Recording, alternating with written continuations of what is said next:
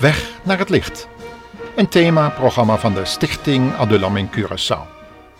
Een laatste aflevering over het thema geleid worden of gedreven. Het gevaar van passiviteit.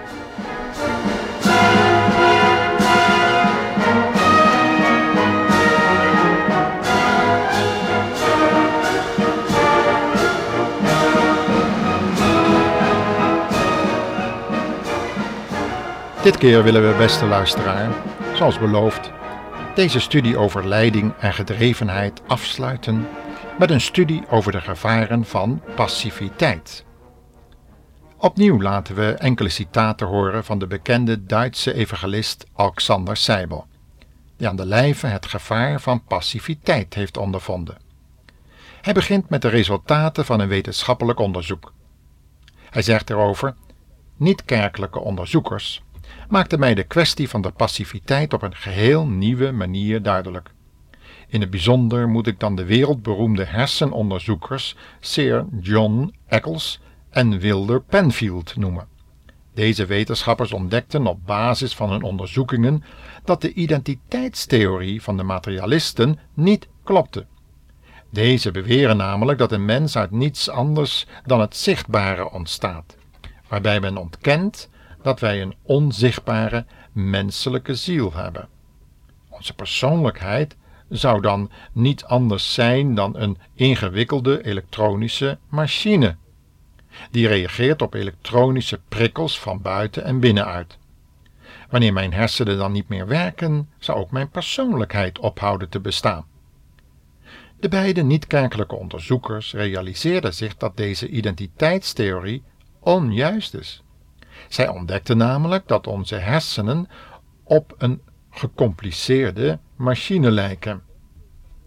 Maar dat deze door een onzichtbaar wezen, dat dan door hen het zelf genoemd wordt, gebruikt wordt.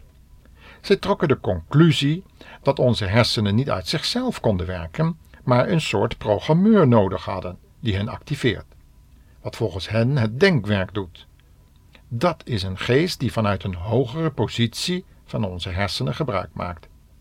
Maar zij stelde nog meer vast, namelijk dat het niet alleen mijn eigen geest is die gebruik maakt van onze hersenen, maar dat ook andere geesten of een geest in het algemeen dit kan doen.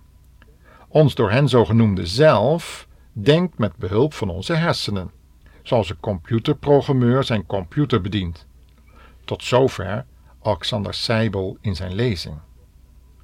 Een andere bekende dokter in de biologie heeft gezegd dat wij in onze hersenen soort synapses hebben, een soort antennetjes, die signalen ook van buiten ons kunnen opvangen, van andere geesten, menselijke geesten, gedachten, en die kunnen omzetten in energieën.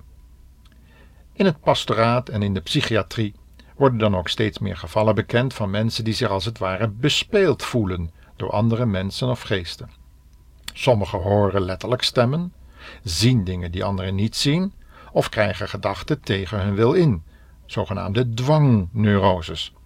Ook gelovigen kunnen van dit soort vaak dwangmatige en soms zelfs godslastelijke gedachten last hebben. Dat ze zich afvragen: ben ik dat nou? Of is dat iemand anders? Wanneer we deze gevallen allemaal onderzoeken, blijkt vaak dat er een periode van grote passiviteit aan deze ervaringen vooraf was gegaan. Of, juist het tegenovergestelde, grote stress, waardoor men niet zich kon concentreren op het woord van God. We zien dus dat deze Alexander Seibel het aangekondigd heeft, of eigenlijk ontmaskerd heeft, dat bijvoorbeeld bepaalde mystieke handelingen, waarbij het gedachtenleven helemaal ontledigd moet worden, uiterst gevaarlijk zijn, omdat er dan van allerlei geesten binnen kunnen dringen met vreemde gedachten die wij niet van onszelf hadden. Of aansluiting hebben in bepaalde niet beleden zonden en die dan naar boven halen. Ja, wij moeten ons niet, dus niet concentreren op bepaalde lichaamsdelen of een bepaald woord steeds weer opnieuw uit te spreken, een soort mantra dus. Nee, wij moeten ons concentreren op het woord van God. Er zijn sommige kringen die die mantra vervangen door de naam Jezus. Dat mag dan.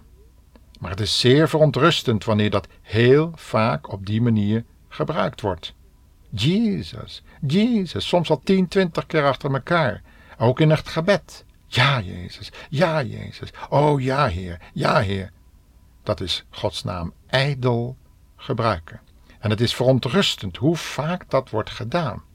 En hoe vaak dat ook gepaard gaat met het toegeven aan een innerlijke drang tot schrijven of spreken, soms ook in een bepaalde onbegrijpelijke taal of allerlei handelingen, waarbij men dan beweert dat we onder de controle van Gods geest dat allemaal moeten doen. Dat we als het ware ons ertoe gedreven weten. Maar wanneer dat het geval is, dan moet Paulus dat ontmaskeren door te zeggen dat de Corinthiërs dat vroeger hadden, voor hun bekering, en dat moet nu afgelopen zijn. Het lijkt erg veel op de visualisering, technieken van de occultisten, die ook met de kracht van positief denken en beleiden werken. Paulus zegt erover: laten we onszelf toch reinigen van alle besmetting van vlees en geest. En laten we voleindigen de heiligmaking in de vreze Gods. We kunnen deze uitspraak lezen in 2 Korinthe 7, vers 1. Laten we dat doen. Laten we dat woord gehoorzamen en ons reinigen van alle besmetting, niet alleen van het vlees, maar ook van de geest, voleindigende de heiligmaking in de vreze Gods.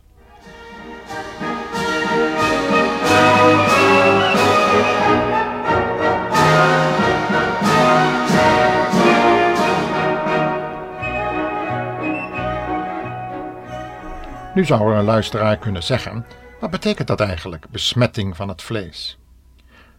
In de lezing van Alexander Seibel legt hij dat zelf uit. Volgens hem betekent dat de onreinheid en de seksuele zonden en de besmetting van de geest staat dan in verband met het occulte en het afgodische. Zo stonden de gelovigen in Korinthe er gedeeltelijk voor. Paulus moest hen namelijk vermanen om de hoererij en de afgodendienst te ontvluchten. Dat was dus zowel de besmetting van vlees en geest. U kunt dat lezen in 1 Korinthe 6. We worden vandaag de dag echter overstroomd met juist zo'n golf van seks en occultisme. Wanneer de vijand zal komen als een stroom, zeiden de profeten, ja, dan moeten we een rots hebben in de branding. Dan moeten we een schuilplaats hebben tegen de vloed. En dat is de Heer Jezus. In Jesaja 32 staat het ook dat wij dan bij de Heer Jezus terecht kunnen. De man die een schuilplaats is tegen de vloed en een verberging tegen de wind. Ja, Alexander Seibel toonde ook aan dat mensen die in hun geest besmet zijn de neiging hebben tot het vermengen van wat de wereldgeesten te bieden hebben met dat wat van de Heilige Geest is en wat Hij wil geven. Dan wordt dat een vermenging van licht en duisternis, kerk en wereld, gelovigen en ongelovigen, kortom, alles onder hetzelfde geestelijke juk, ook wel vertaald met yoga. En is dat niet wat we steeds weer onder christenen vooral zien? Juist tijdens allerlei bijeenkomsten kent men de systematische ontlediging van het gedachtenleven en soms met behulp van allerlei hardkloppende muziek. De Bijbel roept ons echter juist op tot activisme in een andere zin tot zoeken, streven, vragen, kloppen, jagen, weerstaan, onderzoeken, ontvluchten, allemaal door te bestuderen wat Gods woord ons zegt. En de zonde en alles wat de adrenaline in ons bloed omhoog gooit, om dat te ontvluchten. Het tegenovergestelde van passiviteit is stille tijd houden. Ons voor God afzonderen, tot rust komen voor God. Wanneer er een gespeend kind is, dat betekent wanneer dat kind dus, laten we zeggen, verzadigd is, dan betekent dat dat er rust is. Verzadigd met de redelijke, onvervalste melk. Daar moesten we ons eerst mee voeden. En dan kunnen we stil zijn voor God door daarover na te denken. In Josia 1, vers 7 en 8, en ook wel in Psalm 1, zien we hoe we ons met Gods woord kunnen voeden door waarneming, overleggingen, bepeinzingen en discipelschap. Dat alles is het tegenovergestelde van een passieve geest. Vaste periodes moeten dan ook altijd gepaard gaan, niet alleen met gebed, maar ook met ernstige schriftstudie. Vullen van onze gedachten met het woord van God. En datgene wat natuurlijk tegen het woord van God ingaat en wat soms in onze gedachten om de voorrang wil strijden, dat moeten we gevangen nemen en onder de gehoorzaamheid van Christus brengen, schrijft Paulus in 2 Korinthe 10.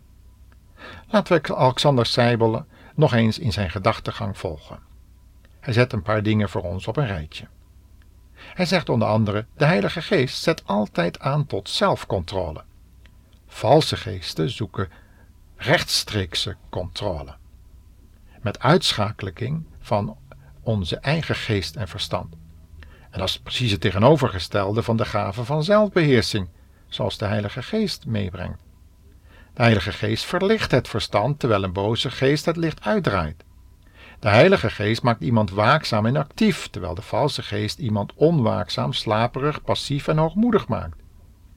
De geest der waarheid doet een beroep op mijn verstand en wilsvermogens. De verkeerde, verkeerde geesten trachten mijn wil en verstand te binden en te beheersen tegen mijn eigen wil in. De Heilige Geest wil mijn lichaam als een tempel reinigen en vullen met liefelijke, reine, creatieve gedachten, tot heil van de mensheid en de eer van Gods naam. Boze geesten willen mijn lichaam gebruiken, verontreinigen, waarna zij mijn lichaam naar het verderf voeren en mijn ziel binden. En mijn geest uiteindelijk ook. De Heilige Geest zet mensen aan tot creatief schrijven, maar het met behoud van de eigen persoonlijkheid terwijl de boze geesten onze lichamelijke mogelijkheden trachten in bezit te nemen en dan te vullen met een andere persoonlijkheid, wat leidt tot depersonalisatie. Tot zover Alexander Seibel over zijn lezing over passiviteit. We zien dus dat de geest van God ons lichaam en geest niet als een soort spiritistisch medium gebruikt, maar onze eigen wil en verstandelijke vermogens volledig inschakelt. Nergens zien we ook dat gelovigen in een soort extase gebracht moeten worden, of onder een soort hypnotische controle, waarna ze niet meer weten wat er gebeurde, of getuigen van een soort buitenzintuigelijke waarneming. Want daar kunnen spiritisten ook van getuigen, en mensen en die zogenaamde bijna doodervaringen hebben. Hierover spraken we reeds in andere programma's. Geestelijke inspiratie volgens Bijbels model zal dan ook wel altijd een mysterie blijven maar Gods geest laat in ieder geval de persoonlijkheid volledig intact. Van koning Saul lezen we als uitzondering dat hij door de geest van God in een andere man veranderde. Hij kreeg als het ware een andere persoonlijkheid. Maar dat was helemaal niet zo gunstig, want zijn eigen hart bleef onveranderd boos en trots, hoogmoedig, opstandig. In feite werd Saul slechts af en toe beheerst door Gods geest. En ondanks zijn schijnbare profetische gaven en heldere momenten gaf zijn praktische toestand aan dat Gods geest niet blijvend in en aan hem kon werken. Vandaar dat we dan ook lezen van deze man dat er een boze geest hem kon verschrikken en dat de geest van God van hem geweken was en die is ook niet meer teruggekeerd. Gelukkig kunnen wij zeker zijn dat de Heilige Geest blijvend in ons woont. Er is niet zoiets als een afval van bekeerde en wedergeboren mensen.